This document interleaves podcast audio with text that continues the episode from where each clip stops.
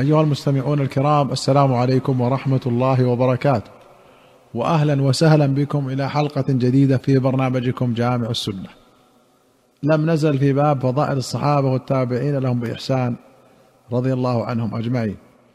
أخرج الشيخان رحمهما الله عن أبي سعيد رضي الله عنه أن النبي صلى الله عليه وسلم قال لا تسبوا أصحابي فوالذي نفسي بيده لو أنفق أحدكم مثل أحد ذهبا ما بلغ مد أحدهم ولا نصيفه ولمسلم قال كان بين خالد بن الوليد وبين عبد الرحمن بن عوف شيء. فسبه خالد فقال رسول الله صلى الله عليه وسلم لا تسبوا أصحابي فإن أحدكم لو أنفق مثل أحد ذهبا ما بلغ مد أحدهم ولا نصيفه ولمسلم عن أبي هريرة بنحو الرواية الأولى. والمد ملء كفي الإنسان المعتدل والنصيف ملء الكف الواحدة. ويقال في النصف النصيف كما يقال في العشر العشير والثمن الثمين. والمعنى لو أنفق أحدكم مثل أحد ذهبا ما بلغ ثوابه ثواب نفقة أحد أصحاب مدا ولا نصف مد. قال الإمام النووي واعلم أن سب الصحابة رضي الله عنهم حرام. من فواحش المحرمات سواء من لابس الفتن منهم وغيره لأنهم مجتهدون في تلك الحروب متأولون. قال القاضي وسب أحدهم من الكبائر. ومذهب الجمهور أنه يعزر ولا يقتل.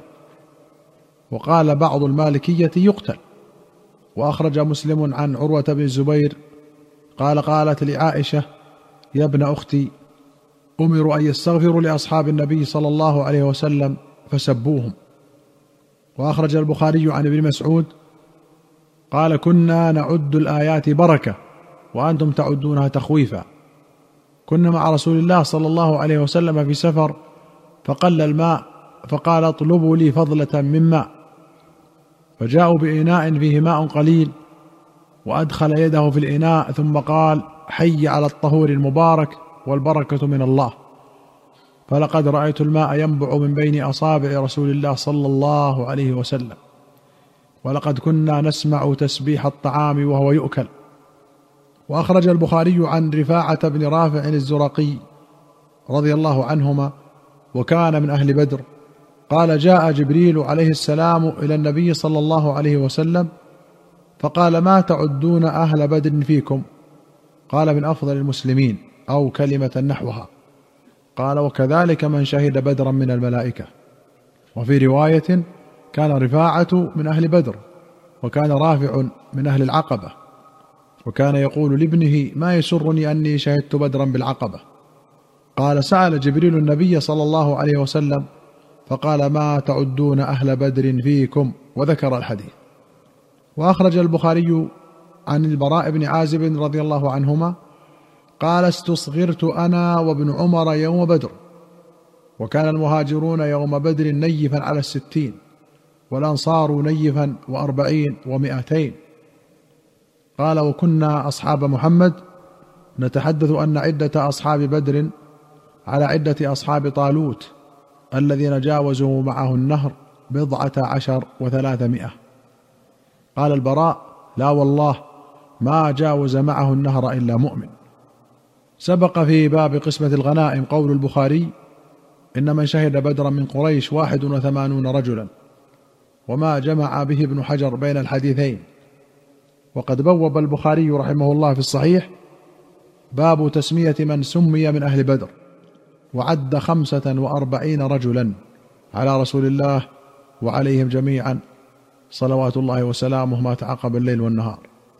وأخرج البخاري ومسلم عن علي رضي الله عنه قال بعثني رسول الله صلى الله عليه وسلم أنا والزبير والمقداد فقال انطلقوا حتى تأتوا روضة خاخ فإن بها ضعينة معها كتاب فخذوه منها. فانطلقنا تتعادى بنا خيلنا حتى أتينا الروضة فإذا نحن بالضعينة. فقلنا أخرج الكتاب قالت ما معي من كتاب. فقلنا لتخرجن الكتاب أو لتلقين الثياب. فأخرجته من عقاصها. فأتينا به النبي صلى الله عليه وسلم. فإذا فيه من حاطب بن أبي بلتعة إلى ناس من المشركين من أهل مكة يخبرهم ببعض أمر رسول الله صلى الله عليه وسلم. فقال رسول الله صلى الله عليه وسلم يا حاطب ما هذا؟ فقال يا رسول الله لا تعجل علي. إني كنت امرأ ملصقا في قريش ولم أكن من أنفسها. فكان من معك من المهاجرين لهم قرابة يحمون بها أموالهم وأهليهم بمكة. فأحببت إذ فاتني ذلك من النسب فيهم أن أتخذ فيهم يدا يحمون بها قرابتي. وما فعلت كفرا ولا ارتدادا عن ديني ولا رضا بالكفر بعد الإسلام. فقال رسول الله صلى الله عليه وسلم إنه قد صدقكم. فقال عمر دعني يا رسول الله أضرب عنق هذا المنافق. فقال رسول الله صلى الله عليه وسلم إنه قد شهد بدرا وما يدريك لعل الله اطلع على أهل بدر فقال اعملوا ما شئتم فقد غفرت لكم وفي رواية فقد وجبت لكم الجنة فدمعت عينا عمر وقال الله ورسوله أعلم. روضة خاخ بخاءين معجمتين بين مكة والمدينة بقرب المدينة وعقاصها ضفائرها وقوله ملصقا أي مقيما فيهم ولست منهم بنسب. وأخرج مسلم عن جابر أن عبدا لحاطب بن أبي بلتعة جاء رسول الله صلى الله عليه وسلم يشكو حاطبا.